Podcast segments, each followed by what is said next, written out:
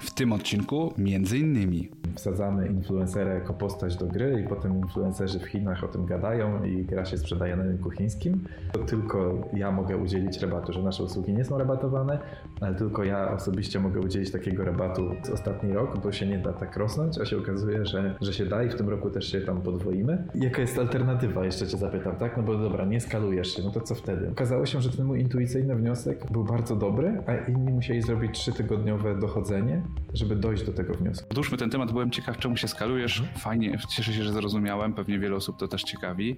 Że pamiętajcie, że to, że szybko się rozwijamy, rozwijamy jako firma, to nie znaczy, że wy musicie jakoś więcej robić czy szybciej. Jeżeli spojrzymy na fakty, to obsługujecie mniej klientów więcej wartych niż obsługiwaliście wcześniej.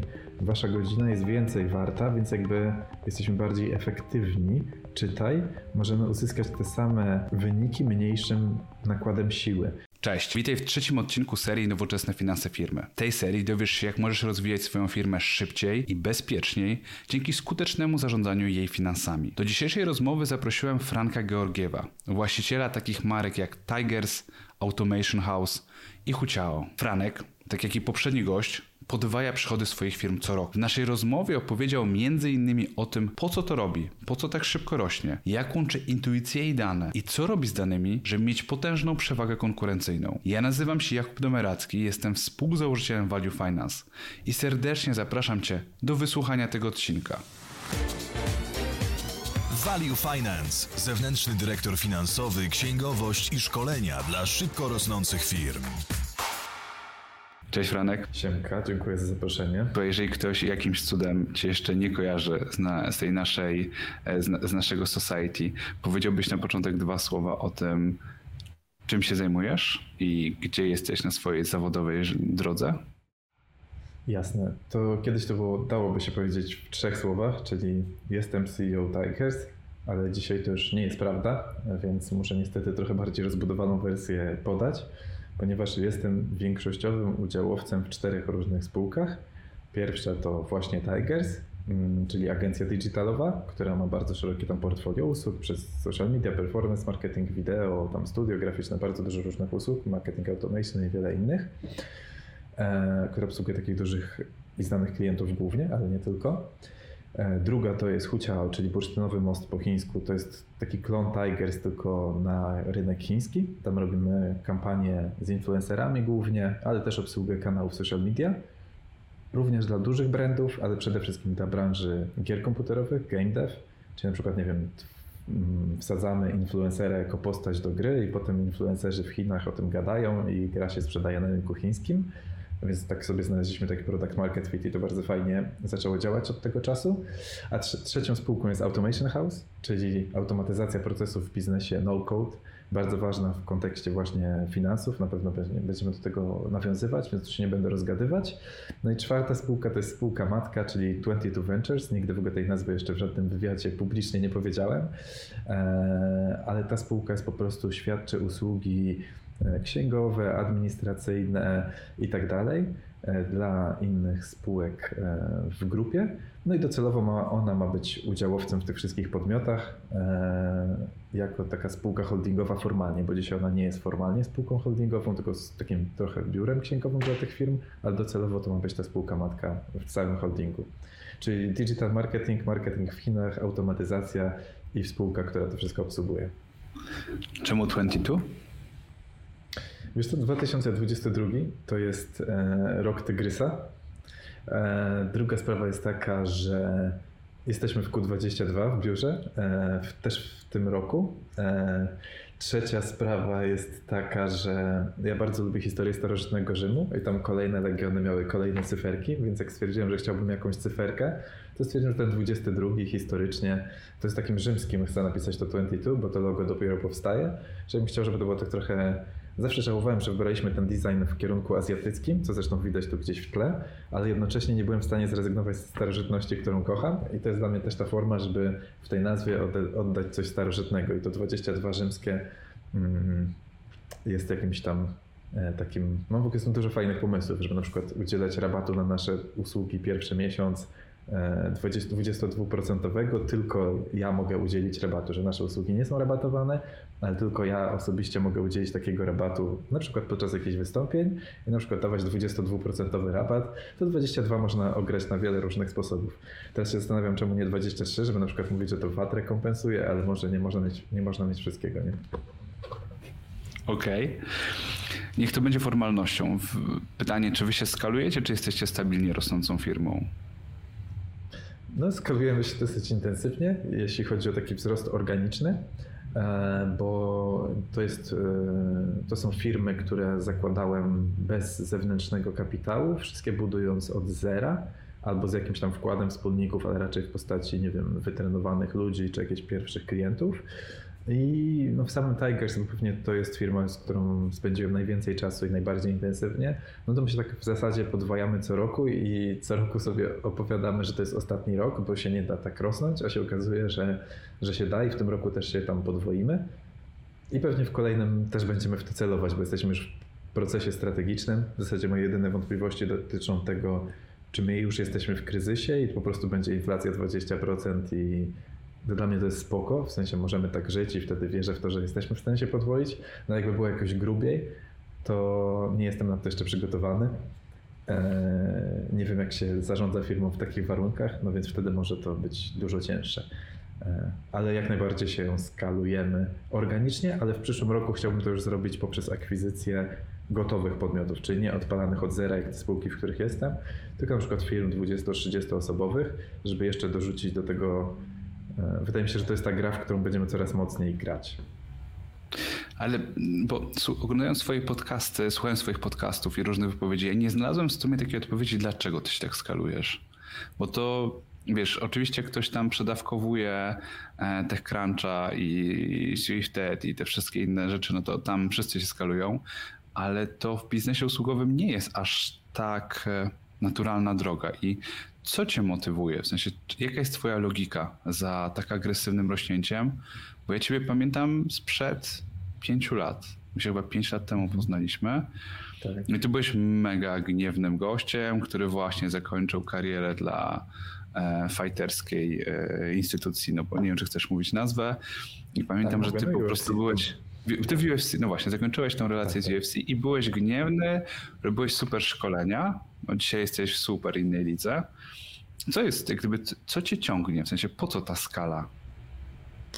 Wiesz co, może coś z tego sportowego świata jakby zaczerpnąłem, bo mam takie podejście, że po pierwsze sportowiec um, musi wierzyć, że może być najlepszy, nie? E, wydaje mi się, że najlepsi sportowcy nie wierzą do końca, że są najlepsi, tylko mają tą paranoję, że muszą cały czas się rozwijać, cały czas e, ćwiczyć, trenować. E, tak jak tam, nie wiem, jakiś Kobe Bryant, nie wiem, Conor McGregor, czy nie wiem, Cristiano Ronaldo, czy coś inni. Zależy kto co tam śledzi i lubi. I dla mnie to jest, moją największą motywacją jest rozwój. Czyli jeżeli mówimy o rentowności, o której też na pewno będziemy rozmawiać, to dla mnie rentowność nie jest tak bardzo ważna, bo ja chcę szybciej zrobić duży biznes, żeby musieć się nauczyć, z czym to się je. A zarządzanie kilkunastoosobowym biznesem jest zupełnie inne niż 50, zupełnie inne niż 100, zupełnie inne niż, e, bo tam dobijamy do setki powoli zupełnie inne niż budowanie holdingu, na który się składają cztery spółki, a pewnie jak w tym holdingu będzie 10 spółek, to będzie jeszcze inne. I to wszystko wymaga ode mnie z jednej strony zmiany roli, cały czas takiego rozwoju. Wiesz, ludzie mogą zmienić pracę i złapać jakiś oddech, mogą zmienić rolę w firmie, złapać jakiś oddech, a jak budujesz jeden firm, jedną firmę non-stop, to w pewnym sensie no, też to się robi nudne po prostu, więc ja czuję, to jest tak, jakbym to tak sprowadzić do jednego zdania, to jest to po prostu motyw, bycie motywowanym przez rozwój i stawianie sobie kolejnych poprzeczek i po prostu mierzenie się z nimi. Wywieranie takiej sprawczości na rzeczywistość, że wymyśliłem, ktoś mi mówi, że się nie da, to ja mówię, to ja pokażę, że się da, bo lubię się ścigać. Mam tam, wiesz, w teście Galupa mam tam rywalizację, osiągnięcia, a na pierwszym miejscu strategię, więc jakby ja cały czas myślę, jak osiągać, rywalizując z innymi, mimo tego, że de facto nie oglądam się za bardzo na innych, nie, jakby nie interesuje mnie tak bardzo, co robi konkurencja, w ogóle nie wiem, czym się zajmują. W sumie ciężko było nazwać było w ogóle, kto jest tą konkurencją, więc jesteśmy takie bardzo mocno self-centered, ale jednocześnie cały czas ściganie się sam ze sobą. Okej, okay. fajne. Właśnie byłem tego bardzo ciekaw. Jaka jest, jaka jest alternatywa, jeszcze cię zapytam, tak? No bo dobra, nie skalujesz się, no to co wtedy? No w sensie, no masz jakiś biznes, który tam sobie jakoś tam może rośnie, ale tak trochę niechcący. No i co, wyciągasz z tego kasę i co, i jeździsz po świecie. No jakby to jest spoko, ciekawe. Ja też, też lubię pojeździć. Nie wiem, w, w lipcu byłem miesiąc we Włoszech z dziewczyną, objechaliśmy całe północne Włochy. Teraz za, za miesiąc jadę na na miesiąc do Azji i też tam chętnie zjeżdżę. Ale to jest dla mnie takie okresy, kiedy na przykład dużo myślę właśnie strategicznie, odpoczywam, ale między tym jest okres bardzo ciężkiej pracy i nie wyobrażam sobie być na wiecznych wakacjach. Myślę, że wiesz, że bo ja w tej chwili na przykład już na tym etapie mógłbym tak żyć i to by działało, tylko to sprawia, że za dwa lata bym wypadł z gry prawdopodobnie. No i co? I być może to są jedyne okno, window of opportunity takie, tak? W sensie, że to jest ten czas, kiedy można zbudować coś naprawdę drugiego, dużego, a może drugiej takiej szansy nie będzie, więc skoro życie jest jedno, to trzeba wykorzystać je na maksa, nie? Okej. Okay. Ciekawa perspektywa. Ja, ja trochę jestem w tym obozie mm, gdyby skalowania się marżą i to jest dla mnie najważniejsze, ale może to jest jakaś skośność, którą zbudowałem po venture capital i, i, i po biznesie funduszowym. Ja byłem bardzo ciekawy, gdyby, jakie ty masz racjonale za skalą. Dla mnie są logiczne, są, są też ciekawe. To też wydaje mi się, że jest pochodna charakteru. Że to jak gdyby A jak jest jakieś. Skalowanie się marżą? Wiesz co, no jak gdyby ja, ja bardzo mocno kładę nacisk na marżę i, i, i, i jak gdyby ja lubię małe, super zwinne firmy usługowe, bardzo mocno będące jak gdyby cash positive, ale tutaj też się spotykałem w tej przestrzeni marżowości. Bardzo mnie to ciekawi, to nie jest temat na dzisiejszy wykład, jak, gdyby, jak ty budujesz też team, bo przy skalowaniu to jest bardzo ciekawy obszar, ale do pewnie jakiegoś podcastu HR-owego jakoś trzeba będzie podciągnąć kogoś, żeby nagrał z tobą o tym podcast, bo, bo to jest, to jest ciekawe. Dobra, ale odłóżmy, odłóżmy ten temat, byłem ciekaw, czemu się skalujesz. Mhm. Fajnie, cieszę się, że zrozumiałem, pewnie wiele osób to też ciekawi ten podcast najbardziej, w sumie ten, ten podcast i YouTube będzie najbardziej o rozmowie intuicji, a dane i w ogóle o roli danych w biznesie, ale na, początek chciałbym Cię zapytać, jak Ty widzisz, jak na razie rozmawiamy tylko, nawet nie chodzi o balans, tylko intuicja i dane. Jak patrzysz na mhm. intuicję w biznesie? Jaką ona ma dla Ciebie rolę? Czy z niej korzystasz? Kiedy z niej korzystasz? Na maksa, na maksa z niej korzystam. Um, Zastanawiam się, od której strony to ugryźć, bo temat jest bardzo ciekawy, bo moim top talentem według tego testu silnych stron Galupa jest właśnie strateg. I w opisie tego talentu jest takie zdanie, że bierzesz pod uwagę tyle danych naraz i przetwarzasz, że czasem nie jesteś w stanie nawet wytłumaczyć, dlaczego podjąłeś taką decyzję, ale prawdopodobnie masz rację i warto cię słuchać. Że jakby ja nie jestem osobą, która tak, tak stereotypowo myśli o danych, czyli że każdy pomysł musi się spiąć w jakimś PNL-u, w jakimś wiesz, jakby no nie wiem, że każdy projekt musi być super rozpisany i pomierzony i potem sprawdzam to i tak dalej, chociaż biznesem bardzo mocno zarządzam na danych, ale jednak te decyzje finalnie nie opieram myśląc o danych, czyli ja jakby przyswajam, nacieram się tymi danymi jak szamponem po prostu i w, w, dalszej, w dalszej kolejności wypływam jednak intuicyjny wniosek. I spotkałem się z takimi sytuacjami w firmie, e, gdzie ludzie, na przykład był temat związany z cashflow, te nieszczęsne budżety klientów, które przychodzą przez agencje digitalowe. Mm, w zasadzie klienci przepuszczają przez siebie pusty przychód. No i mieliśmy tak, żebyśmy zyskowni na papierze, a cashflow nie wyglądał wcale tak fajnie. No i było taka, takie dochodzenie, czemu tak jest, no nie? To już jakiś czas temu. No jakby wszyscy myśleli, że to są właśnie te budżety reklamowe. Ja mówię, nie, słuchajcie, tam na pewno nie dopłacamy do tego, jestem tego pewien. Oni mówią, no ale skąd to wiesz? Ja mówię, nie, po prostu patrzę codziennie w tego PNL-a i mimo tego, że tam to jeszcze wtedy nie było wyłuskane, tak ono było wyłuskane po naszej współpracy, potem trochę zepsuliśmy, e, no i znowu nie było wyłuskane e, i, i powiem Ci, że okazało się, że ten mój intuicyjny wniosek był bardzo dobry, a inni musieli zrobić trzytygodniowe dochodzenie, żeby dojść do tego wniosku. I teraz to nie wynika z tego, że nie wiem, że jestem mądrzejszy, bo ci ludzie w te finanse są nawet lepsi ode mnie. Ale uważam, że tak jak pisze Ben Horowitz w książce Najtrudniejsze tym, co trudne, CEO jest jakby z racji tego, a szczególnie jak, jak bootstrapujesz biznes, to ponieważ tworzyłeś wszystkie procesy w firmie, znasz całą ich historię, bawisz się tymi danymi przez lata, to w pewnym sensie już intuicyjnie wypluwasz bardzo jakościowe wnioski, e, ponieważ patrzysz po prostu najszerzej.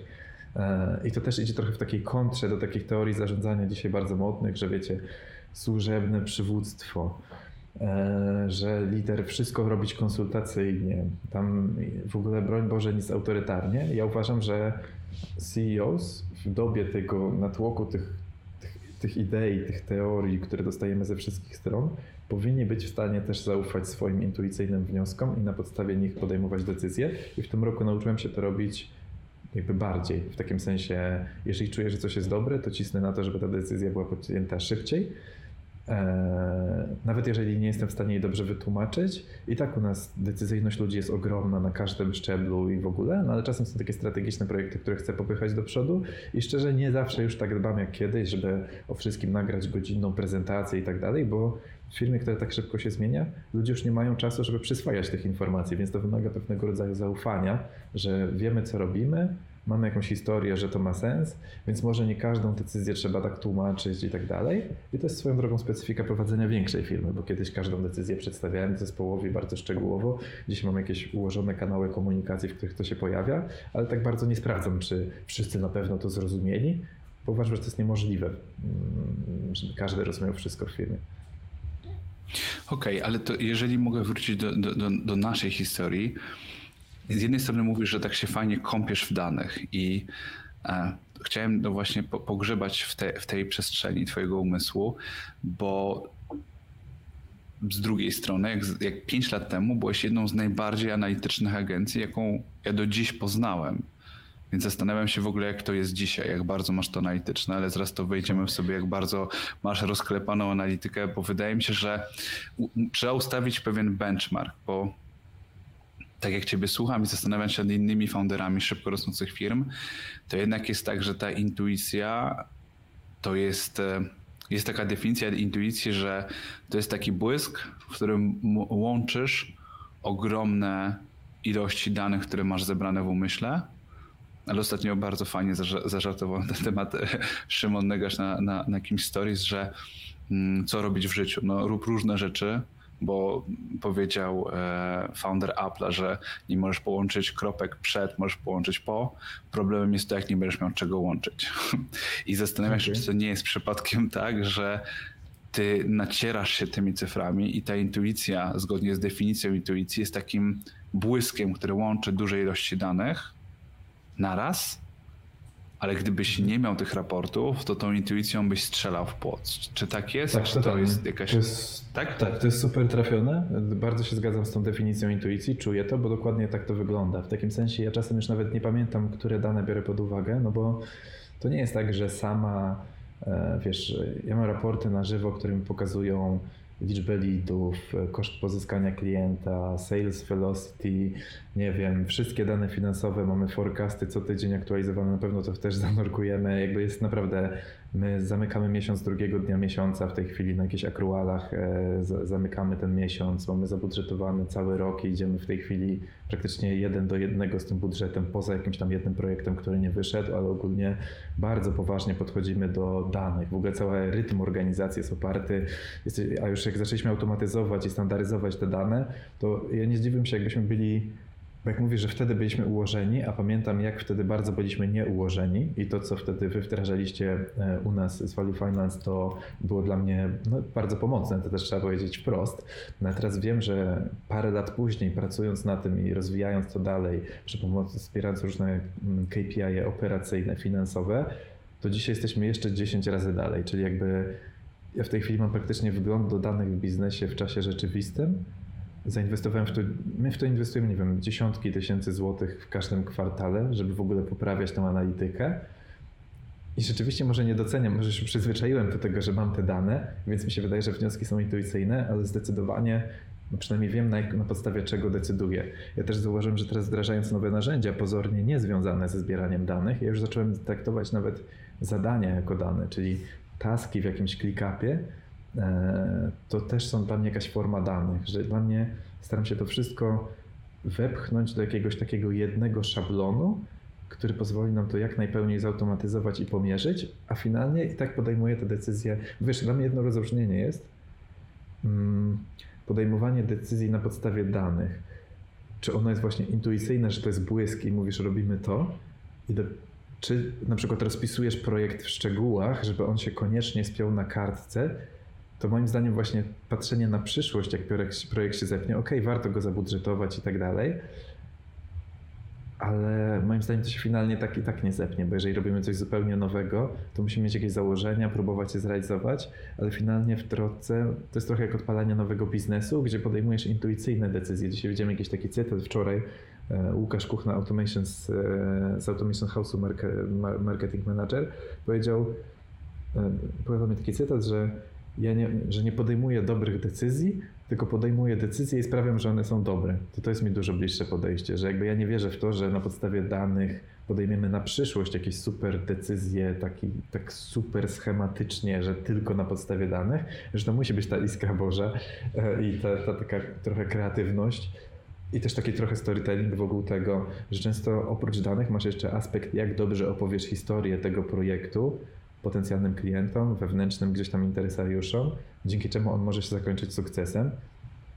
Więc no, ale te dane są wszędzie wtedy i tak potrzebne. Okej, okay, no ale właśnie, ale dalej zbierasz te dane. Dlaczego? W sensie, dlaczego, dlaczego taki, taki pokładziesz taki tak, taki duży nacisk na to, żeby te dane zbierać? Dlaczego kładziesz taki duży nacisk, żeby one były jak najszybciej? No bo jednak to robisz i to kosztuje, bo wydajesz na to pieniądze, no bo siłą rzeczy każda aktywność w firmie kosztuje, a te są drogie. Opowiadałeś ileś razy o tym, że te tych iteracji, automatyzacji zrobiłeś kilka, nim ci to zaczęło wszystko działać. Więc to jednak była duża inwestycja na tamtym etapie rozwoju. Ogromna i nawet wypełnianie tych danych, nawet jeżeli jest coraz bardziej zautomatyzowane, to i tak zajmuje czas, który też dodatkowo kosztuje, no bo ludzie mogliby coś robić, a wypełniają te dane. I teraz rzeczywiście ja do podejmowania decyzji wcześniej też potrzebowałem danych, tylko musiałem je ręcznie zbierać z wielu miejsc, przepisywać jakieś, wiesz, no już pamiętam jakieś takie super oldschoolowe czasy, to wiesz, brałem sam wyciąg bankowy i przepisywałem te transakcje w nowym formacie, tak? Na przykład, wiesz, w jednym miejscu miałem brutto, a w drugim potrzebowałem netto i wiesz, jakby musiałem robić dochodzenie, no jak się miało tam, nie wiem, 100 tysięcy obrotu miesięcznie czy coś, to jeszcze da się zrobić, nie? Już wtedy chyba zresztą mieliśmy kogoś w, w jakiejś administracji czy tego typu rzeczach, ale i tak do podejmowania decyzji zawsze bazowałem na danych, tylko kiedyś ich zbieranie zajmowało mi dużo czasu, a dzisiaj mogę szybciej podejmować duże decyzje dzięki dostępowi w czasie rzeczywistym.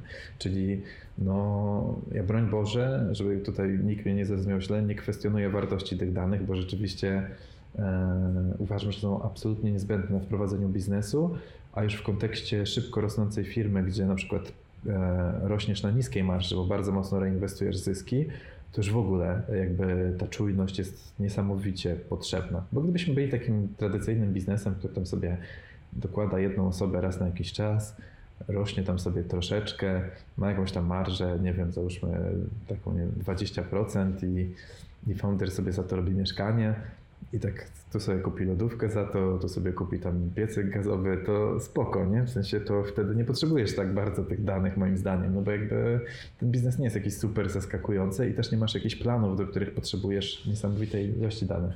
A jeżeli chcesz się podwajać co roku już przy kilkunastomilionowych na przykład obrotach, netto bez budżetów reklamowych, bo oczywiście mógł podać jakąś liczbę z budżetami klientów, żeby na wszystkich zrobić niesamowite wrażenie, ale to nie jest mój styl, ja wolę zaniżyć dane na maksa po to, żeby, żeby potem e, pozytywnie zaskoczyć, no to już wtedy e, wygląda to zupełnie inaczej, nie? Okej, okay. to jesteś w stanie, e, bo po, powiedziałeś rzeczy, które dla słuchacza mogą być jakieś tam rozbieżne. Jesteś w stanie nazwać, po co ci te dane? W sensie, tak jak już to gdzieś przemieliłeś w swoim umyśle. Czyli dane konkretnie do, do czego używasz? To jest różnica, bo do czego używają ludzie u mnie w firmie, to jest jedna rzecz, ale ja jako ja, to ja potrzebuję tego, żeby mieć więcej przestrzeni w głowie na strategiczne myślenie, bo wiedząc, zamiast szukać danych, mogę po prostu myśleć, czy jak mogę analizować dane, bo dla mnie zebranie danych to jest pierwszy krok i musisz mieć dobrej jakości dane, ale potem jest takie pytanie so what? Na zasadzie fajnie, że masz już posegregowane klocki Lego, tak, że tu są zielone, tu są czerwone, tu są białe, ale jeszcze musisz z nich coś ułożyć. I ja dzięki temu mam czas na układanie tych klocków, a nie na ich segregowanie w nieskończoność. Więc tak bym to chyba powiedział, że to jest do podejmowania szybkich i jakościowych decyzji dane. i zachowania bezpiecze, bezpieczeństwa przy bardzo jednak agresywnej reinwestycji i wzroście. Bo powiedziałeś właśnie takie bardzo ciekawe zdanie kiedyś, że mm, jednym z największych lewarów szybko rosnącej firmy są procesy administracyjno-finansowe. Mhm. Trochę tak, tak kontrowersyjne, tak, tak. no bo nie wszyscy, na pewno w startupach to takie zdanie chyba nie pada, aczkolwiek może ja stałem w złych grupkach, w sensie, ale ja właśnie to, to, mnie zadziwiło to zdanie, no bo wszyscy tam sprzedaż, e, mm, dopasowanie do klienta, marketing, nie? A ty powiedziałeś, że dla ciebie lewarem wzrostu są administracyjno-finansowe rzeczy, a sam jesteś marketerem, strategiem, gościem od growthu. Opowiesz o tym więcej? W sensie, czemu takie zdanie Jasne. powiedziałeś? Czy wiesz to pewnie gdybym tak spojrzał na to czysto obiektywnie, oderwał się od konkretnej sytuacji, patrząc na to, jak rosną te spółki, które odpalam od zera, to powiedziałbym, że pewnie najważniejsze jest pewnie jakiś product market fit czy coś takiego, no bo widzę, jak ciężko było nam pozyskiwać klientów do czasu, kiedy tak ociosaliśmy nasze usługi i segment klientów, żeby one znalazły ten magiczny mecz i nagle wysyłasz kogoś na konferencję, on wraca z 20 lidami i on wie na jaką konferencję ma jechać, wie co ma tym ludziom powiedzieć i to zaczyna działać. Więc być może przez to, że mamy marketing w miarę ogarnięty, w takim sensie to jest pewnie najsilniejszy marketing agencyjny w kraju, ale ja i tak uważam, że tam jest jakby możemy być jeszcze 10 razy lepsi i pracujemy nad tym e, stricte w, e, w Tigers trochę to rozleniwia, jak spływają te lidy, niestety. W sprzedaży moglibyśmy być na pewno dużo lepsi, chociaż też jest dużo lepiej niż rok wcześniej, więc te procesy są kluczowe, ale być może to zdanie powiedziałem w kontekście, kiedy miałem już te rzeczy w miarę ogarnięte i zobaczyłem, jak dużą dźwignią jest to, że ja po prostu nie muszę się doszukiwać tych danych, dokopywać, wiem, jak to działa.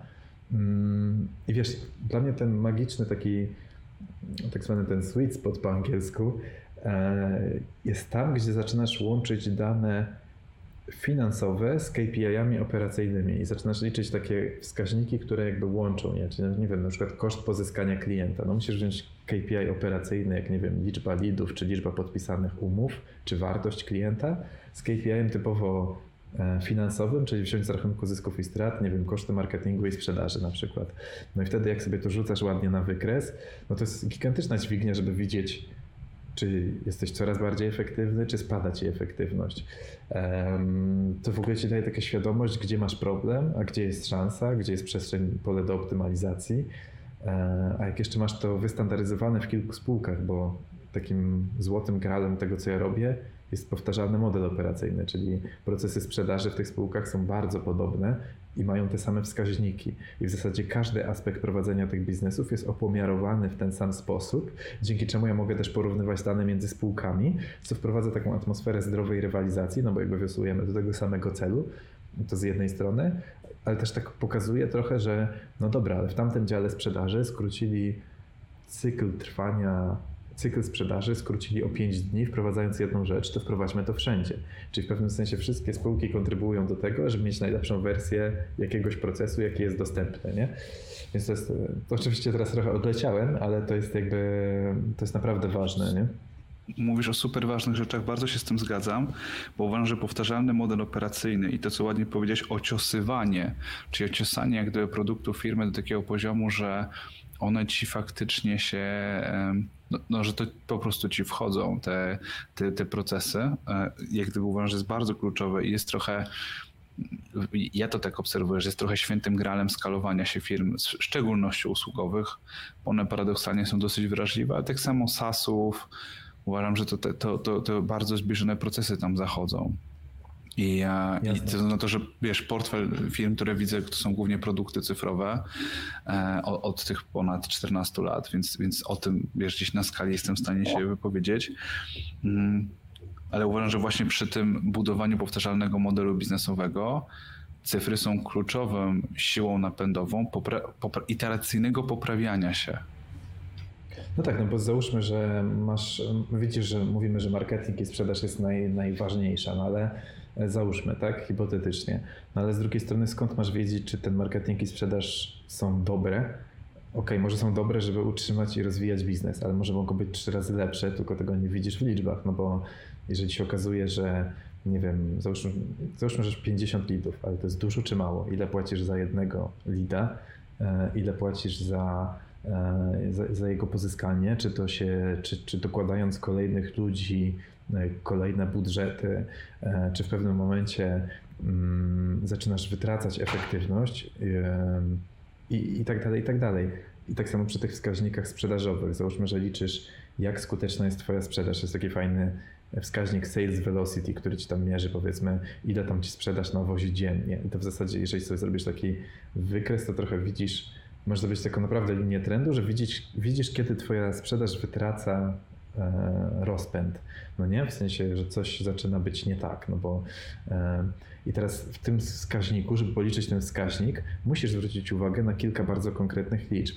Długość cyklu sprzedaży, liczba lidów, wartość lidów, długość cyklu tego, tej sprzedaży i widzisz, że modyfikując konkretne parametry, a nie jakieś intuicyjne wnioski, nie wiadomo jakie, że o, musimy tam, nie wiem, lepiej coś opowiadać. No spoko, ale robimy to po co? Żeby zwiększyć konwersję, że musimy to odnieść do konkretnych wskaźników. I teraz skupiając się na poprawianiu kolejnych wskaźników, w coraz większej firmie, to się robi coraz bardziej Excel, a coraz mniej takie trochę taki trochę spontan, bo te procesy dojrzewają, coraz wolniej się zmieniają, można je coraz bardziej szczegółowo opomiarować i pracować na tych wskaźnikach, żeby sprawić, żeby były jeszcze bardziej efektywne. Szczególnie w dobie jakiegoś tam kryzysu, który mamy albo będzie, bo dla mnie to jest ciężko ocenić, czy to już trwa, czy, czy, czy my czekamy na coś jeszcze z tym, czy, czy, czy jak to wygląda. Mm, no ten nacisk na efektywność jest szczególnie ważny. No to jak chcesz mieć nacisk na efektywność, jak nie wiesz, nie masz swoich liczb, to jest niemożliwe. Zgadzam się, to jest powiem Ci bardzo fajny taki punkt. Wydaje mi się, nazwaliśmy roli cyfry w skalowaniu się. Nie myślałem tak precyzyjnie o tym wcześniej, więc to, to jest bardzo wartościowe. Powiedz mi, a jak, jak, jak ty w ogóle widzisz rolę komunikacji cyfr w zespole? W sensie, jak ty pracujesz z Twoim teamem na cyfrach? My mamy taką, może to nie jest wartość firmowa, ale mamy takie podejście takie radykalnie transparentne, czyli niezależnie od tego, czy mówimy, o którym biznesie mówimy, no ale powiedzmy na tych digital marketingowych jest to łatwiej opowiedzieć, bo, bo tam ta branża jest bardzo patologiczna. U nas ludzie, którzy pracują z nami, klienci, jeśli chcą zobaczyć, nie wiem, umowę z influencerem, to ją dostaną. Jeśli chcę, nawet szczerze, ja jestem w trakcie tej automatyzacji, docelowo ja chciałbym, żeby oni mieli swój panel, gdzie zaglądają i widzą każdą, mogą zobaczyć umowę, mogą zobaczyć wyniki, też w czasie rzeczywistym, a bez takiego, że czekasz, aż ktoś tam wyklepie stażysta jakiś raport. Znaczy my nie mamy w ogóle stażystów, ale mówię o takim tradycyjnym e, modelu gdzieś tam. I tak samo z budżetami reklamowymi. Masz dostęp do tych kont reklamowych, nikt się nie zasłania jakimś magicznym know-how, bo gdyby to było takie proste, że wystarczy zobaczyć, jak ktoś wchodzi na konto reklamowe i to klika, no to, to w ogóle agencje nie byłyby do niczego potrzebne. To nie, nie wystarczy to widzieć, żeby, żeby być w stanie e, powtórzyć te, te, te, te rezultaty. I tak samo wewnętrznie. U nas rachunek zysków i strat e, wisi na korytarzu. E, w sumie nawet mógłbym go pokazać, ale to mi trochę rozwali całą transmisję, więc odpuszczę to. Mm, I, I wisi na korytarzu, i tam co tydzień cała firma się spotyka. Mamy takie 30-minutowe spotkanie i e, przedstawiciele poszczególnych, gdzieś tam odpowiadający za poszczególne linijki w rachunku zysków i strat, e, albo te operacyjne, wychodzą i mówią, jaki jest forecast na koniec tego miesiąca. E, czyli my tak naprawdę cały czas aktualizujemy, ile będzie, jaki będzie ten miesiąc a potem nasza administracja i księgowość zamyka ten miesiąc do drugiego dnia miesiąca na tych finalnych wynikach i na jednym z takich spotkań zamykamy miesiąc i patrzymy o ile się rozjeżdżaliśmy z forecastami, dzięki czemu wszyscy uczą się biznesu. I wszyscy, mam rozumienie, cała firma, bo robimy transmisję na żywo dla ludzi, którzy są zdalnie, a ludzie, którzy są stacjonarnie, zbierają się w tym pokoju, w którym teraz siedzę, w moim gabinecie, który na szczęście jest dość duży e, i jest w stanie pomieścić taką większą grupę ludzi i oni e, oglądają to, nie? I oczywiście nie każdy to kuma, nie każdy rozumie po co tam jest, ale jednak osłuchujesz się z biznesem, osłuchujesz, rozumiesz, że jest jakaś marża, co to w ogóle jest marża. No bo jak masz doradzić klientowi, którego obsługujesz w e-commerce, który ci coś gada, że jakaś marża, żebyś wziął pod uwagę marżę przy ustawianiu kampanii, bo ona nie jest tak wysoka na przykład, no to większość ludzi w tych agencjach to oni nie wiedzą, co to jest marża. Oni nie odróżniają nawet netto od brutto, no to a co jest dopiero, no wiesz, jakby i sam nie rozróżniałem 7 lat temu czy 8, tak? Więc jakby nagle budujesz świadomość biznesową, budujesz taką przejrzystość, transparentność. E, możesz powoływać się w decyzjach biznesowych na wyniki, które są transparentnie udostępnione. I to w ogóle wygląda tak, że ludzie mają we wtorki spotkanie w swoim zespole, gdzie szczegółowo omawiają wyniki swojego obszaru, czyli dajmy na to, że marketing opowiada, ile mamy zasięgu, jakichś publikacji prasowych, nie wiem, zaangażowania, czegoś tam. To nie są dokładnie te cyfry, ale tak daje, żeby ktoś mógł sobie to wyobrazić. E, a potem przychodzą na ten główne spotkanie całej firmy i mówią najważniejszą cyfrę jedną ze swojego obszaru, czyli na przykład liczbę kwalifikowanych leadów. I tak samo w rekrutacji mówimy, ile jest CV-ek, oni mają swoje spotkanie we wtorek, rozmawiają w gronie rekruterów, ile mają CV-ek, ile tam ludzi na którym etapie, ile to kosztuje i tak dalej, a potem przychodzą i podają tylko liczbę, ile osób forecastują, że zrekrutują do końca miesiąca.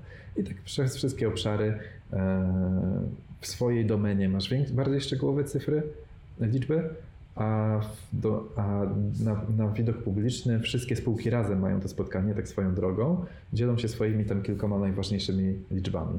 I to jest też okazja, żeby zrobić takie wezwanie do działania, czyli na przykład załóżmy, że jeden obszar nie idzie, załóżmy, że nie wiem, nie mamy leadów powiedzmy, no to mówimy, słuchajcie, w tym miesiącu nasz wynik jest zagrożony, bo w sprzedaży, bo nie mamy dość leadów, to może zastanówcie się, czy w, naszym, w waszym networku są ludzie, którzy byliby zainteresowani tym, tym lub tym.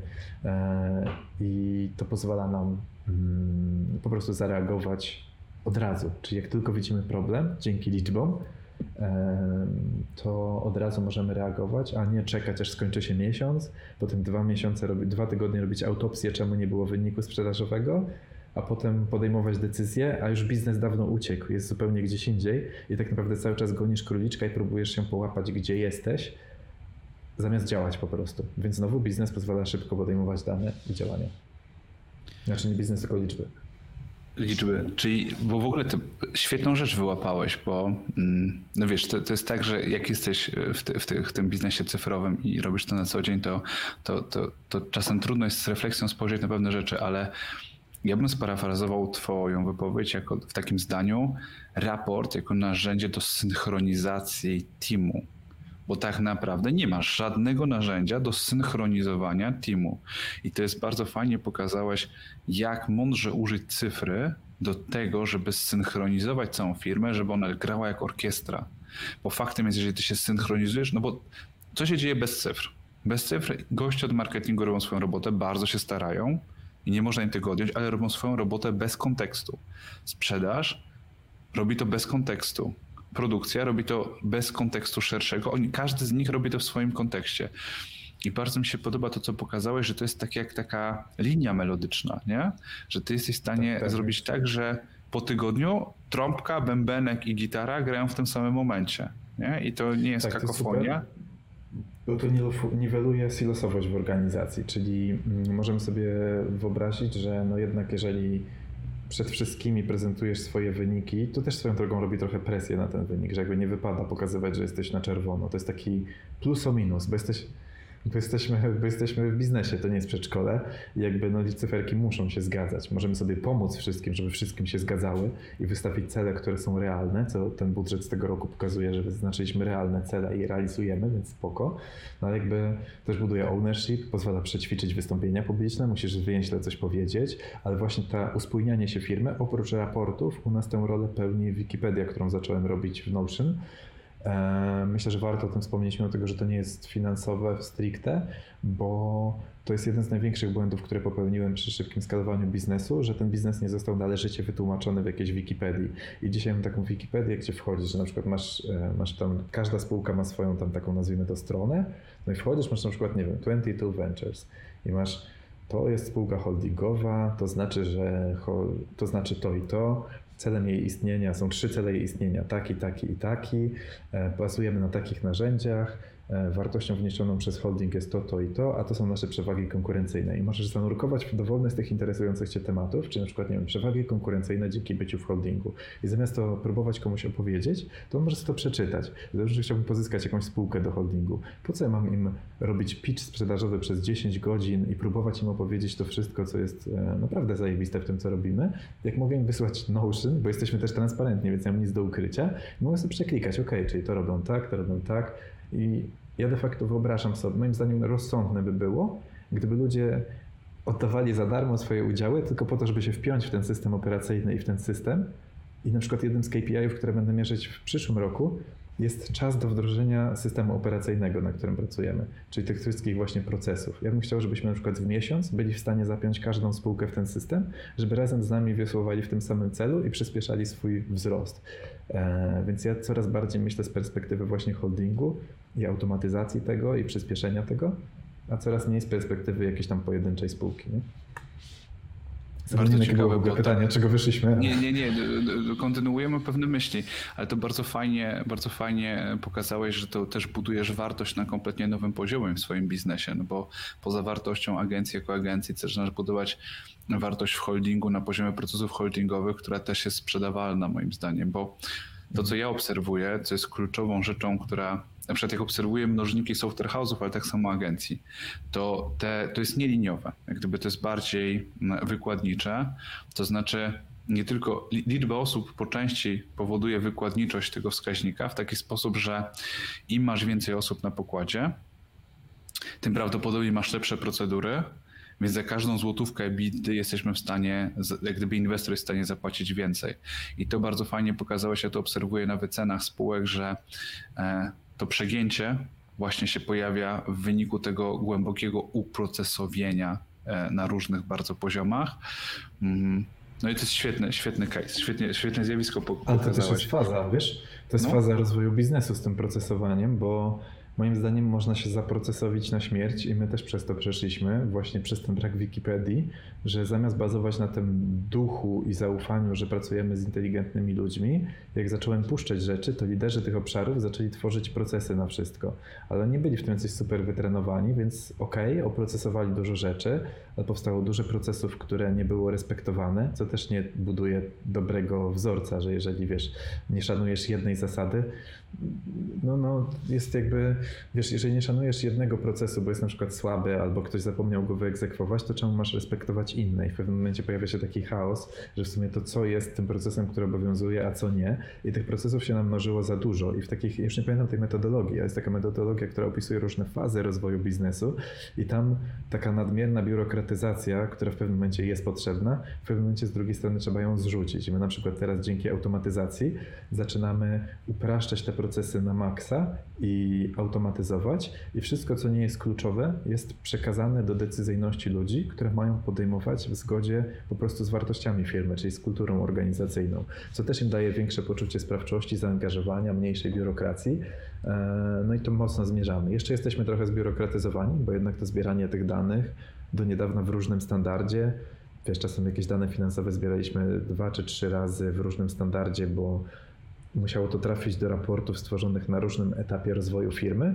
Dzisiaj, jak już mamy odświeżony cały toolstack narzędziowy i wcisnęliśmy taki hard reset, co przez chwilę sprawiło, że nie miałem w ogóle dashboardów różnego rodzaju, bo musiałem jakby zaorać wszystko w pewnym sensie i jakoś daliśmy radę. No poza PNL-em, który był zawsze, e, zawsze gdzieś tam aktualny i może jakimś tam cashflow bazowym. Mm, no to dzisiaj już przy standaryzacji danych możemy się dalej zdebiurokratyzować i wyjść do tej, wydaje mi się, że ostatniej fazy na tym w tym roz, rozwoju. To chyba następnym zagrożeniem jest polityka wewnątrz firmy. Jeszcze tego nie widzę, ale według tej typologii to tego bym się spodziewał, że będzie następne.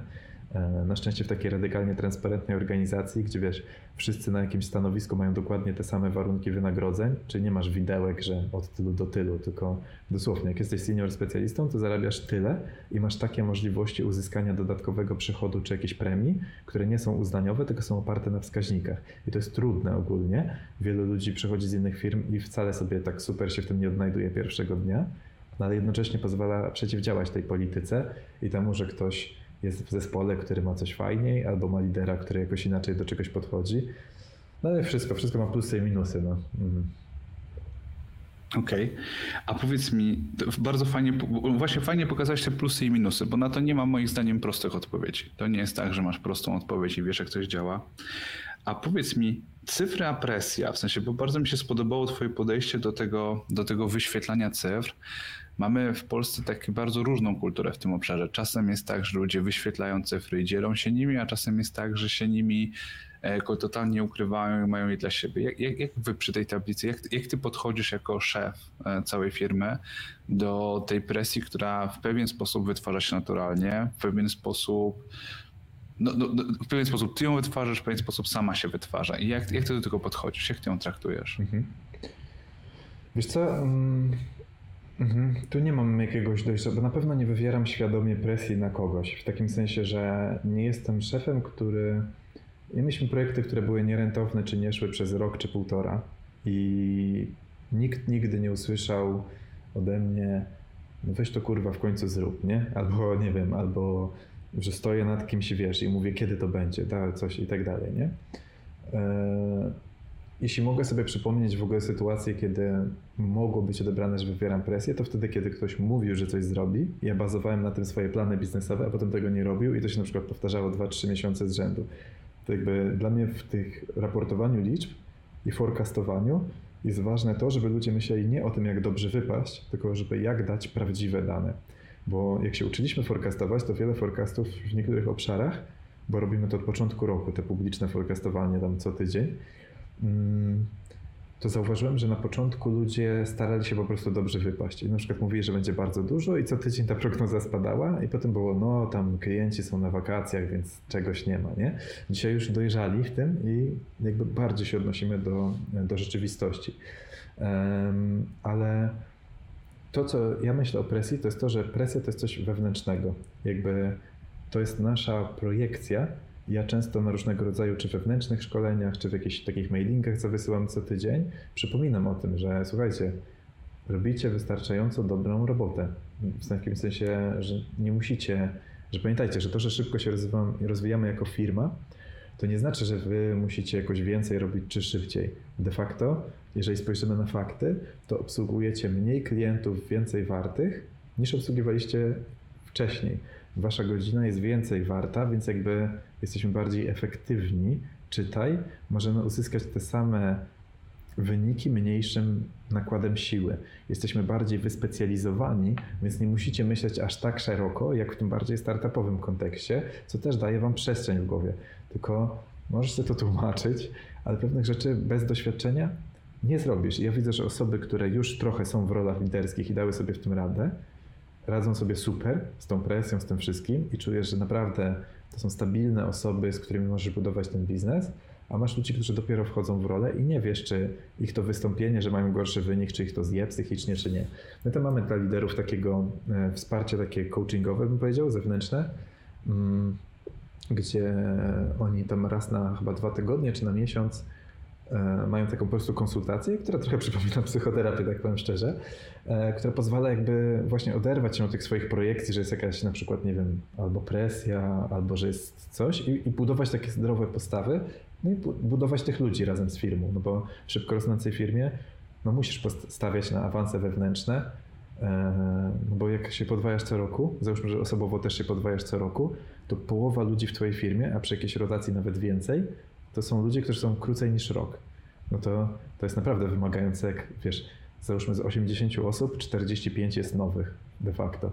To w ogóle zarząd, ja sam jak to słyszę, to ja się zastanawiam, jakim cudem my robimy to, co robimy, bo to jest jakby też czasem się zastanawiam, jak, jak to jest w ogóle możliwe, że z takimi świeżakami da się robić takie fajne rzeczy, a jednak wiesz, jak spojrzysz na ceny od klientów, one tam są ponad 4 i 6 na, to chyba 4,7 nawet sięgały, na 5 od naszych klientów, a zbieramy je od więcej niż połowy klientów, teraz chyba 70 czy iluś procent klientów. Więc to pokazuje, że ten benchmark oceniania nas przez klientów też jest prawdopodobnie jednym z najwyższych w Polsce, nie? W sensie, jeśli nie najwyższym. Ja nie słyszałem, żeby ktoś się chwalił wyższymi ocenami. Ja zakładam, że jak masz dobre, to się chwalisz, nie? Więc coś w tym systemie, jakkolwiek on jest trudny, sprawia, że no, że jednak rośniemy pewnie najszybciej. W sensie ja nie znam agencji, które organicznie rosną szybciej niż Tigers. No i ci klienci są najbardziej zadowoleni, nawet jeżeli się zdarzy czasem, raz na jakiś czas coś, co nie pójdzie i tak dalej, nie? Więc to chyba ma sens, no. A jesteś w stanie nazwać e, w tym systemie co? Przychodzi ci jakoś taka z twojej intuicji, albo z, jak gdyby, jaki to jest top of mind, kiedy sobie myślisz o tym, co tym systemie powoduje, Ale... że to tak działa? Mhm.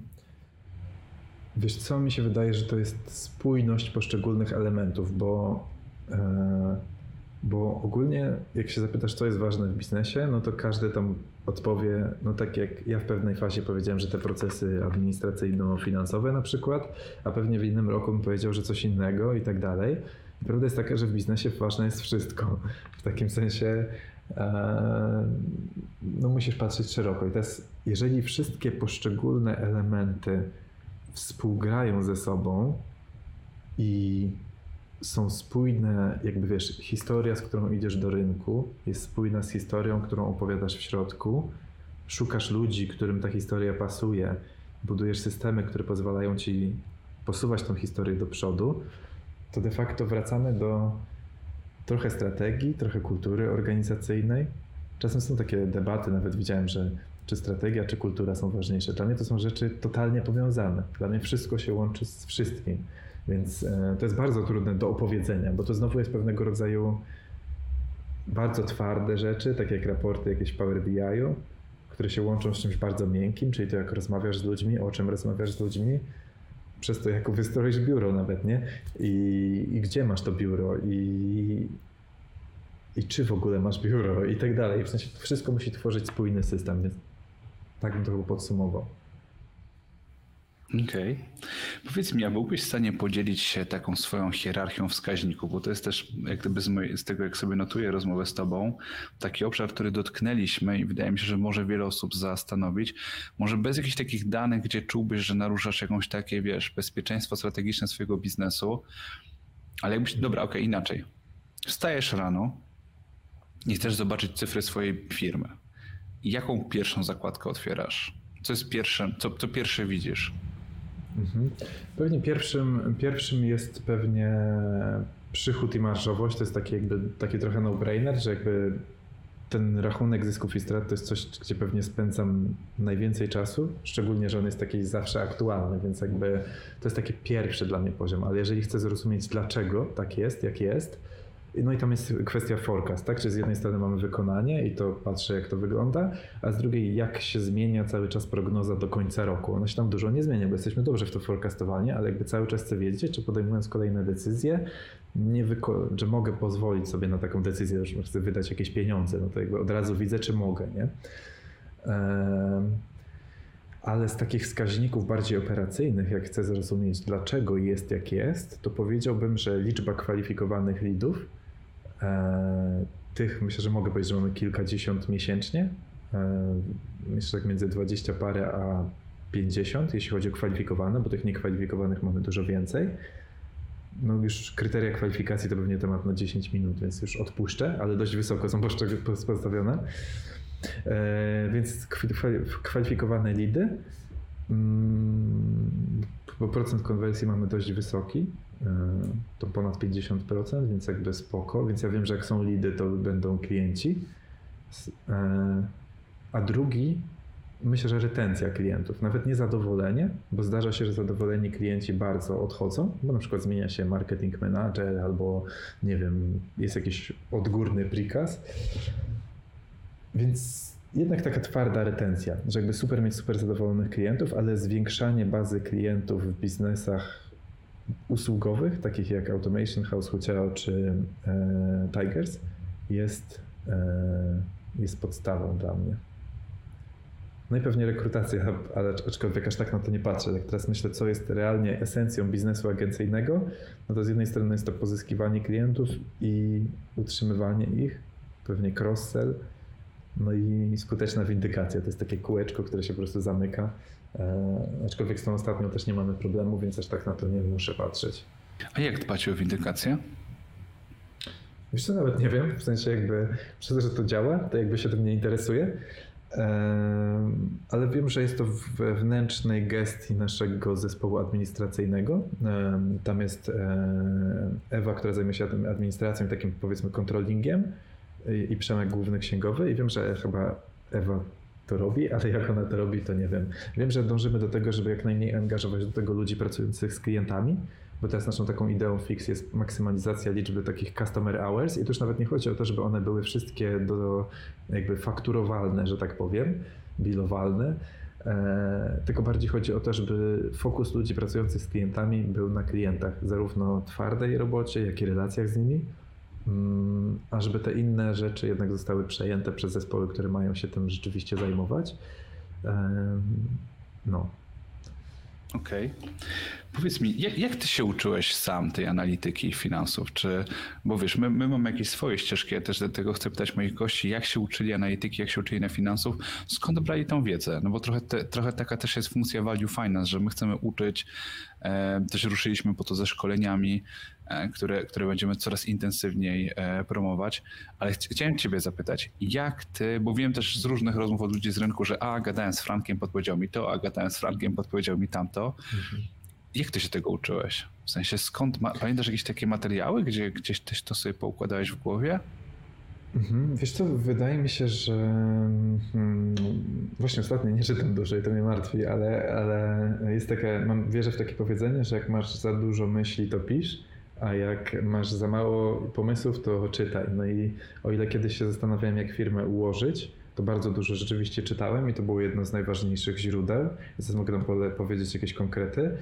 Mm, to teraz raczej po prostu spędzam czas sam ze sobą i mam taki swój czarny zeszyt, e, gruby, e, pióro, którego kupiłem, bo lubię pisać piórem, mimo tego, że mam od tego brudne ręce, bo jestem leworęczny i po prostu spędzam sporo czasu, jak tylko uda mi się dokończyć zadania, czy to wieczorem, czy nawet w weekend często, bo ja pracuję dość intensywnie, to po prostu siadam i używam różnych takich frameworków myślenia, Słyszę taka metoda Oracle, dosyć ciężko to zgooglować, to jest ogólnie wyznaczasz sobie cel, e, patrzysz na przeszkody, tylko na przeszkody, nie, nie myślisz o tym, o rozwiązaniach, tylko listujesz wszystkie przeszkody, żeby mieć jakiś cel, potem wymyślasz rozwiązania, potem dorzucasz jeszcze więcej kreatywnych, odjechanych rozwiązań, potem nadajesz im szansę, że się uda prawdopodobieństwo, że te rozwiązania przyniosą rezultaty, Potem się zastanawiasz, jak zwiększyć ich prawdopodobieństwo, czyli jakby doszacowujesz te pomysły i finalnie robisz tego plan, kto, kiedy, co. To jest jedna z moich ulubionych technik. To pewnie jest ciężkie tak ze słuchania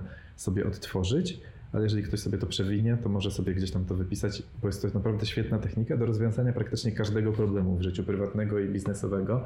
Mi się ona sprawdza niesamowicie, więc w tej chwili to już jest jakby nauka przez grzebanie w tym, czego się zdążyłem nauczyć, ale w przeszłości mm, myślę, że było kilka faz. Na początku rozmawiałem po prostu ze wszystkimi dookoła. E, słuchałem bardzo dużo podcastów.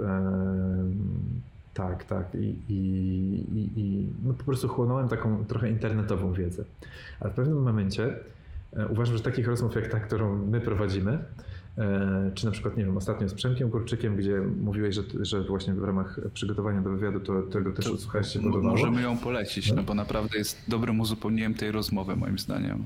Tak, bo poruszę trochę inne tematy, ale właśnie wydaje mi się, że rozmów na tej poziomie, o tego rodzaju wskaźnikach, o tego rodzaju dylematach jest bardzo mało w internecie. W takim sensie ja przyznam, że nie znam, ja nie mam jakiegoś, nie wiem, podcastu, którego słucham i wiesz, i dużo się z niego dowiaduję. Są takie, część, które widziałem po pytaniach mi zadawanych, że są jakościowe i obejrzałem sobie kilka z nich odcinków, ale takich podcastów, które trzymają pewien poziom biznesowej rozkminy, po prostu biznesów większych jest mało, więc jest mało materiałów dla nich, a jak już są, to są takie trochę korporacyjne, typu jakiś, wiesz, program treningowy, jak tam, wiesz, menadżerów, za dużo kasy, e, gdzieś tam międzynarodowy, to już nie jest mój klimat trochę. Więc w pierwszej fazie gadałem ze wszystkimi. W drugiej fazie bardzo dużo skorzystałem, korzystając z pewnych gotowych rozwiązań, czyli tak jak Value Finance na przykład e, pomogło mi zrozumieć finanse, w sensie jakby lepiej i uporządkować trochę to, co mieliśmy, zbudować jakieś pierwsze prototypy dashboardów, czy nie wiem, pracowałem z Kazbegiem nad jakimiś tematami sprzedażowymi. Do dzisiaj jakieś tam zasady pracy na Pipedrive, z którego wciąż korzystamy, e, gdzieś tam z tego się nam ostały, a to było już ładnych parę lat temu. I pewnie mógłbym wymienić parę innych osób, firm, z których już płatnie korzystałem z ich wiedzy. Nie? No i w pewnym momencie, jak już ułożysz większość obszarów firmy przy pomocy tej wyższej jakości, gdzie już przez to, że komuś nawet płacisz, to masz prawo oczekiwać trochę więcej, niż jak sobie luźno gadasz przy piwku i każdy sobie, tam, sobie coś tam opowie. E, później zacząłem zatrudniać ludzi, czyli jakby jak już mnie było stać na stałe wsparcie wewnętrzne, no to na przykład, nie wiem, Konrad Kwiatkowski, z którym pracowałem przez lata nad strategią biznesową, został u nas Head of Operations. I on był tam CEO chyba w Amreście, nie wiem, jakiegoś KFC, Starbucksa i takich naprawdę konkretne rzeczy robił. Ma bardzo dobre wzorce biznesowe. No i wiesz, jakby tu zacząłem bardzo mocno z tego rodzaju, czyli zatrudnianie takich A-playerów z rynku. E, a dzisiaj już jest praktycznie introspekcja w tej chwili i szukam kolejnych A-playerów. Teraz na przykład szukam do sprzedaży kogoś, kto mógłby naprawdę pozamiatać. Mamy dział sprzedaży, który jednak ciężko jest mieć biznes, w którym marketing i sprzedaż drive'ują cały biznes. Czyli jeżeli jesteś dobry w marketingu, to prawdopodobnie ten, ta sprzedaż będzie działać jakby tak wiesz, że są ciepłe lidy, które łatwo się domyka, więc tak trochę ciężko się przestawić na te łowy, nie? A ja bym chciał znaleźć kogoś takiego, kto mimo tego, że ten marketing dostarcza lidy i mimo tego, że mamy wysoką konwersję, on powiedział, ja chcę 10 razy więcej, ja chcę zbudować 100-osobowy dział sprzedaży. Chciałbym z kimś takim pracować, nie? I tu mam duży dylemat i szukamy takich ludzi, więc jeśli ktoś tego słucha jest e, A-playerem sprzedaży, e, to chętnie porozmawiamy. Mega. Dobra, a wracając do tych książek, cztery, jesteś w stanie 4-5 mhm. pozycji podać, które totalnie ci poukładały w głowie? Myślę, że top jeden wszechczasów i także potem długo, długo nic, to jest dla mnie Scaling Up. Ja tę, tę książkę kocham. Ostatnio miałem taki dylemat, że nie wiedziałem jak tam w Automation House'ie to ma taki trochę dylemat, bo w Polsce nam się to całkiem nieźle sprzedaje, to automatyzowanie, ale jakby tak sobie myślimy, no dobra, to jest, to jest rynki zagraniczne są dużo bardziej dojrzałe, można sprzedawać te godziny drożej i w sumie po co robić biznes w Polsce, skoro ma potencjał globalny, no jednocześnie ciężko jest pozyskać tak dużo lidów szybko za granicą, a bycie jedną nogą w Polsce, drugą za granicą jest takie trochę. Ja nie lubię tak stać w rozkroku, albo, albo rybka, albo pipka, że tak powiem. I, I miałem taką. I strasznie się tam zapętliłem z tymi myślami, właśnie miałem, nie wiedziałem, jak to ugryźć. I nagle stwierdziłem, a zobaczę te narzędzia z tego scaling up, jakieś takie tabelki do wypełnienia. I po prostu w jeden wieczór usiadłem, rozpisałem to w tych tabelkach i już wszystko mam ułożone w głowie. Tak samo w, strategii holdingowej robię dokładnie to samo. Ta książka bardzo dużo mówi o systemach, bardzo podobnych do tego, co mówię, czyli to bardzo mocne oparcie na danych, na kulturze organizacyjnej, dobre procesy rekrutacji. To wszystko tam jest. To jest synteza z kilkudziesięciu innych książek połączonych w spójny system. Dlatego ja tak bardzo no po prostu uwielbiam tę książkę. A z takich innych, to, które bardzo dużo mi w głowie poukładały, to ja bardzo zawsze polecam Psychologię Szefa, ten cykl polskich autorów, Jerzy Haman, Wojciech Gut, bo ona pokazuje może takie trochę oldschoolowe podejście do przywództwa, ale które finalnie gdzieś tam działa, czyli jednak określenie, że no jesteś szefem, czyli masz pewną odpowiedzialność, ale masz też pewne prerogatywy, z których musisz korzystać. A dzisiaj widzę szczególnie w młodszych liderach, że oni są tacy, że tylko zespół, żeby zespół był zadowolony. Celem lidera nie jest to, żeby zespół był zadowolony. Celem lidera jest to, żeby dowieść wyniki biznesowe, bo dzięki tym biznesowym wynikom ci ludzie w jego zespole mogą więcej zarabiać i dalej się rozwijać. Więc krótkoterminowe zadowolenie jest mniej istotne niż długoterminowe wyniki biznesowe. E, co nie znaczy, że chcemy, żeby ludzie byli nieszczęśliwi, tak? chcemy, żeby naprawdę byli w środowisku, które stymuluje ich rozwój, możliwości, jest profesjonalne, dobrze ułożone, a to znaczy fokus na biznes przede wszystkim. Więc psychologia szefa. Hmm. Natomiast jeszcze lubiłem te Good to Great Jima Collinsa. E, o Ben Horowitz, e, Hard Think About Hard Things to jedna z najlepszych, e, szczególnie dla tych top liderów. Jeżeli jesteś szefem, właścicielem, założycielem, to uważam, że Ben Horowitz pokazuje właśnie taką fajną perspektywę, która pokazuje, że zarządzanie firmą jest cholernie trudne, że musisz się pogodzić z pewną niedoskonałością. Bardzo fajna książka, a jednocześnie, że prawdopodobnie podejmujesz najlepsze decyzje, jakie można, bo patrzysz najszerzej ze wszystkich. Ja w ogóle bardzo obserwuję, że to, co ludzie mają w stopce, wpływa na to, jak myślą. Czyli jeżeli zmienisz czyjąś pozycję na nie wiem, ze specjalisty marketingu na marketing managera, to nagle zaczyna myśleć w inny sposób, popełniać inne błędy, ale też wykorzystywać inne przewagi. To jest czasem magiczne, jak ludzie w tydzień po zmianie działu potrafią zapomnieć o perspektywie poprzedniego działu, albo nie brać jej tak mocno pod uwagę i wejść w zupełnie inny mindset. To jest dla mnie magiczne cały czas, nie? Ale to też dobrze, no bo jak przekazałem rolę CEO na przykład Karolinie, to widzę, że zaczęła się zachowywać jak CEO tak w pełni i świetnie sobie z tym radzi, więc może to ma plusy i minusy. Ale no. Dobra. Jeszcze poleciłeś ostatnią książkę, to też dziś słyszałem. E, Andy Groove? E, właściciel tak, tak. High, high, Output Management o układaniu procesów, bardzo fajne. E, tam była taka metafora, która mi strasznie zapadła w pamięć, baru śniadaniowego, który tam musi podać jajka i kawę w tym samym czasie i on opisuje bardzo skomplikowane pojęcia procesowe, na przykładzie tego serwowania jajek i kawy i że możesz zainwestować w maszynę, ale w takie są tego minusy, a ponieważ jajko się gotuje długo, to to jest wąskie gardło w procesie, więc musisz wokół niego optymalizować. Bardzo fajne, takie otwierające głowę e, rzeczy, nie? Myślę, że to jest jeden stop w sumie. No i pomijam jakichś takich psychologicznych, nie? W sensie, bo jeszcze ja w kontekście dbania o siebie, co może nie jest głównym tematem, ale na przykład e, jest taka książka Zrozumieć Akt, ACT, ten nurt psychoterapii, bardzo fajna, e, czy nie wiem, e, techniki terapii poznawczej. Tam jest dużo takich tabelek do wypełniania, którymi można rozsupłać trochę swoje myśli. Czy jest taka książka o przerażającym tytule 50 najlepszych technik coachingowych, ale to są takie frameworki w myśleniu, które z takiego prawdziwego coachingu, które można zastosować sam do siebie, więc samemu do siebie, nie? Więc to też polecam. Coś jeszcze ci przychodzi? Ja no myślę, że wiesz, bardzo dużo tych książek czytałem, ale ja uważam, że lepiej jest przeczytać jedną niż nie przeczytać dziesięciu, więc jak ktoś przeczyta te wszystkie i będzie chciał więcej, to może do mnie napisać. Pewnie na Instagramie, na LinkedInie i z przyjemnością mu coś jeszcze podrzucę, może na konkretny temat, nie? Jestem naprawdę, mimo tego, że mam co robić, jestem taką osobą, która zawsze stara się wszystkim odpisać, wciąż mi się to udaje, więc jeżeli macie jakieś potrzeby, jakieś rozkminki, to śmiało piszcie zauważyłem pisząc do ciebie. Powiedz mi, chciałbym tą rozmowę zamknąć e, taką rozmową. Jesteś team bootstrap. Jak pamiętasz ostatnio gdzieś tam, pamiętam, że rozmawialiśmy, występowałeś i byłeś team bootstrap. Bo przy tej mhm. całej historii, przy tym całym wzroście nie poszedłeś do inwestora.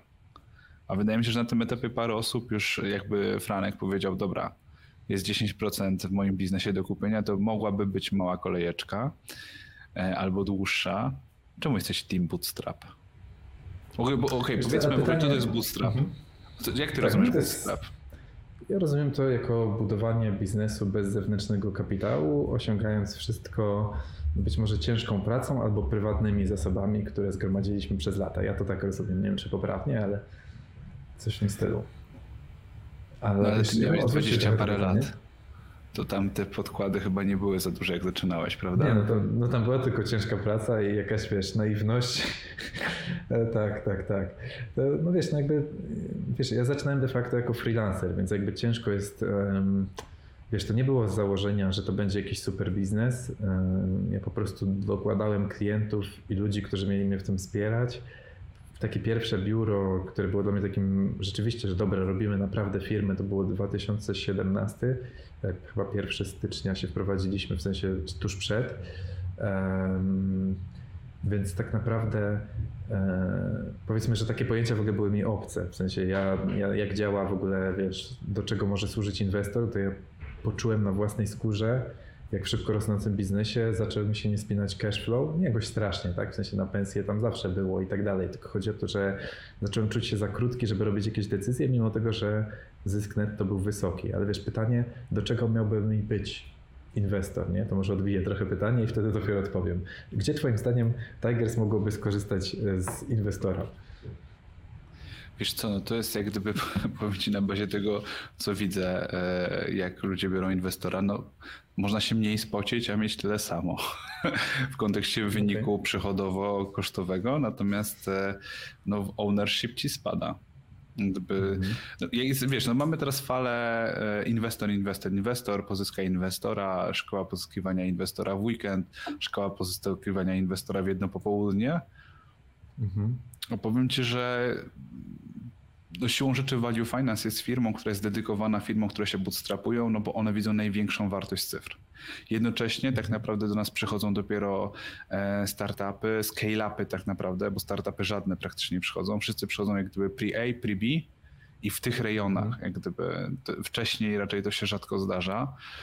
Mm, I oni wtedy zaczynają cenić cyfry. Ja próbowałem przebić się z koncepcją liczenia do mniejszych firm, Nie udało mi się, może źle mówię, może coś ja, ja, robię źle, może tam nie ma żadnej świadomości, bo tak jak słyszę z rynku e, w startupach, ta świadomość liczenia no, nie jest jeszcze wysoka.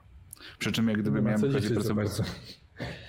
Wiesz co, nie zgodzę się, bo, bo, bo miałem okazję pracować z, i z zachodnimi startupami i z, gdzieś tam z Izraela. E, i skandynawskimi i ich poziom analityki, rozkminy tego, co my będziemy robić, dlaczego to zadziała, jaki prawdopodobnie będziemy mieli poziomy konwersji, jak gdyby na co wydamy pieniądze, jak bardzo będziemy kontrolować nasz cash burn, była kosmiczna, super imponująca mhm. jak dla mnie. Więc... Więc e, to jest moim zdaniem e, gdzieś tam nasza, mm, no, nasze niedociągnięcie, że tego skillsetu na tym etapie nie mamy. No to jest moja perspektywa na inwestora, zbudowana na bazie mhm. gdzieś tam ponad 300 inwestycji firm, z którymi byłem bardzo blisko na etapie funduszu albo value finance, nie? Okay, e, A jestem ciekaw okay. twojej Wiesz co, jakby, powiem Ci szczerze, zawsze byłem na to na maksa zamknięty. Ja nawet miałem takie propozycje, że przychodził, już pamiętam, że kiedyś chciałem propozycję sprzedać Tiger za 8 milionów. No i tak myślę sobie, znaczy w ogóle tego nie rozważałem poważnie. W takim sensie chciałem zobaczyć, jak wygląda proces, ale też nie chciałem oszukiwać, więc tam przez tydzień poudawałem, że jestem zainteresowany, żeby w ogóle zobaczyć, co oni mogą zaoferować, no bo stwierdziłem, że to raczej ja chciałbym kupować firmy, więc e, może się czegoś dowiem no jednocześnie nie chciałem być nieuczciwy, więc bardzo szybko to uciąłem. Mm, ale jakby po, mm, ale to jest jakby pełna sprzedaż firmy. A teraz to jest ten, ta faza firmy, że przez to, że jestem więcej niż jednej, to nie jestem tak bardzo przywiązany do tych udziałów. W takim sensie, że to nie jest coś, co jest dla mnie.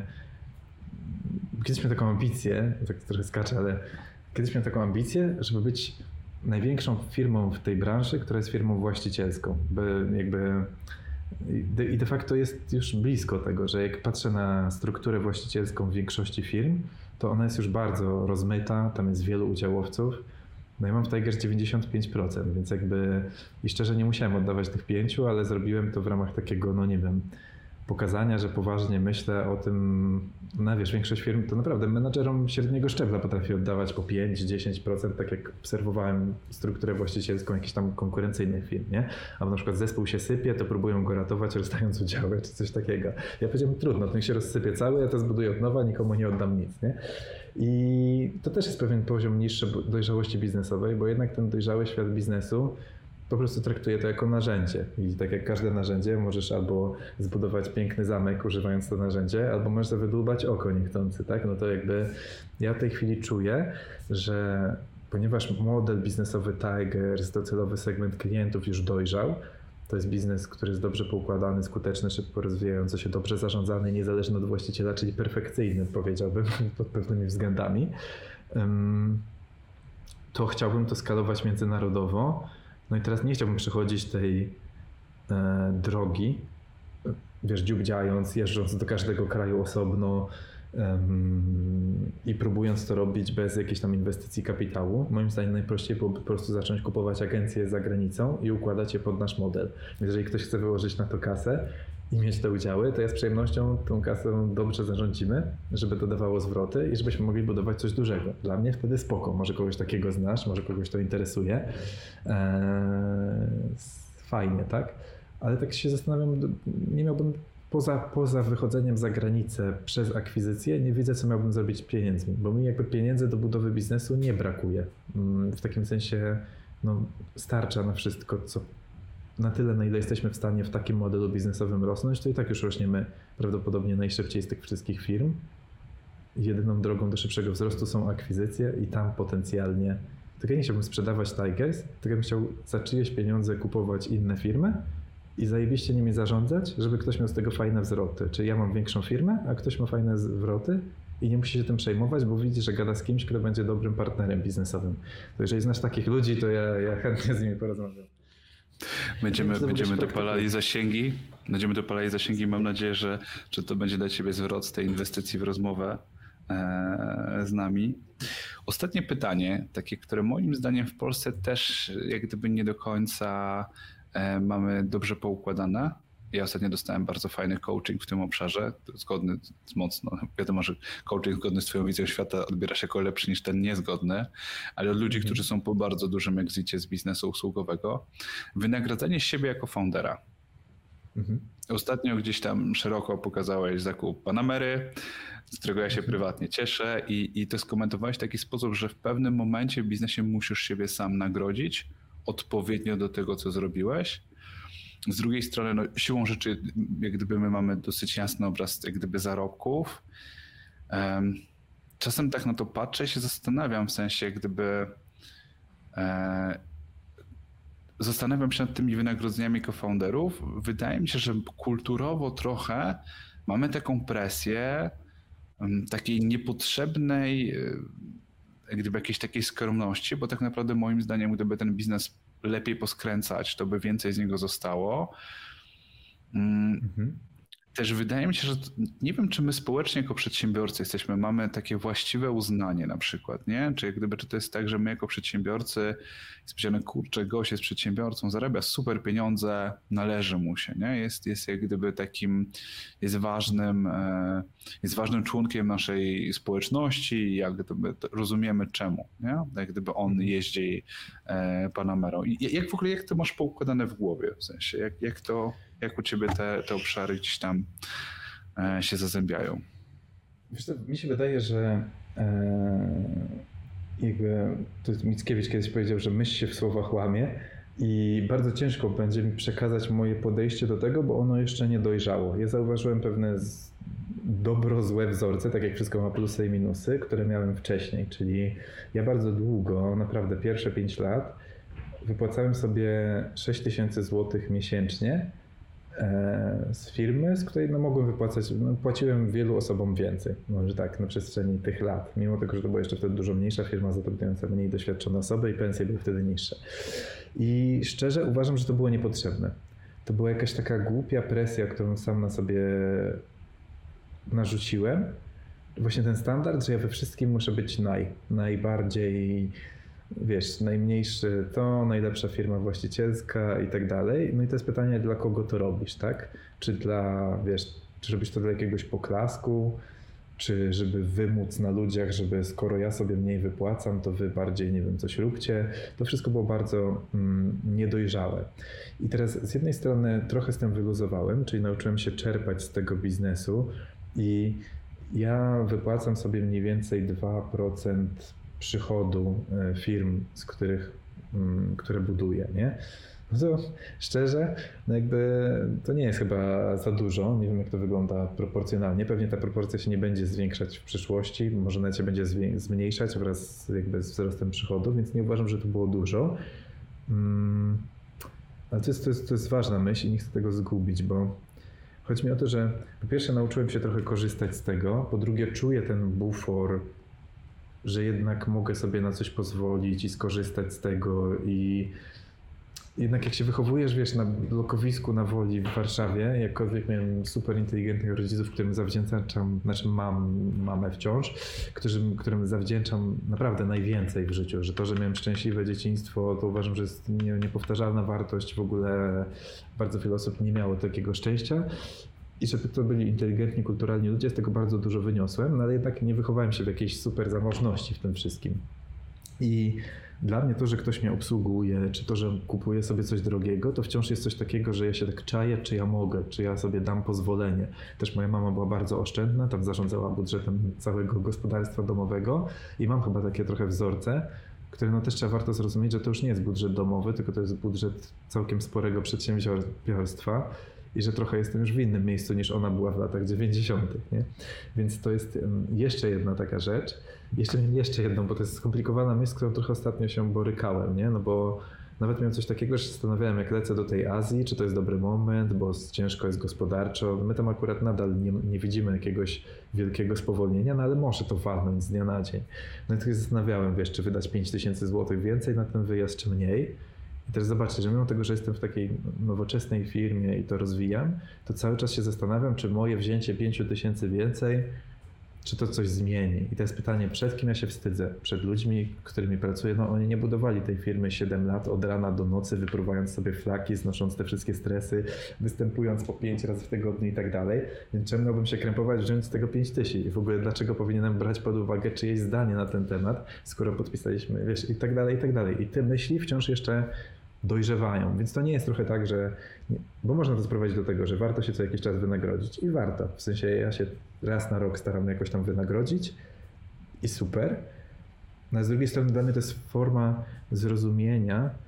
Już kończę ten dziwny wywód, ale jakby chodzi mi o to, że to jest forma zrozumienia, że jestem już w innym miejscu niż byłem, że otaczanie się droższymi rzeczami i bycie w takim może trochę bardziej stylu życia, też rozmawianie z ludźmi, którzy prezentują pewien etap rozwoju w życiu czy etap biznesowy, pozwala mi w ogóle osiąść i docenić to, co zbudowałem, bo ja czuję, że jeszcze mentalnie, mimo tego, że siedzę w tym, wiesz, biurowcu tutaj, wiesz, z, z, z dużym widokiem, tak jak tutaj e, jakby wypasionym, jak pokazałem jakby co, bo nie wiem, czy ty to widzisz, to mm, no to to ja jednak mentalnie jeszcze nie przeszedłem na ten poziom, że robię już coś wyjątkowego w takim sensie, a, a, coraz bardziej do mnie dociera, że robię, tylko ta myśl musi dążyć i to jest jedna z głównych rzeczy, które chcę przepracować w tej Azji tak psychologicznie, żeby zrozumieć trochę, gdzie jestem, nie?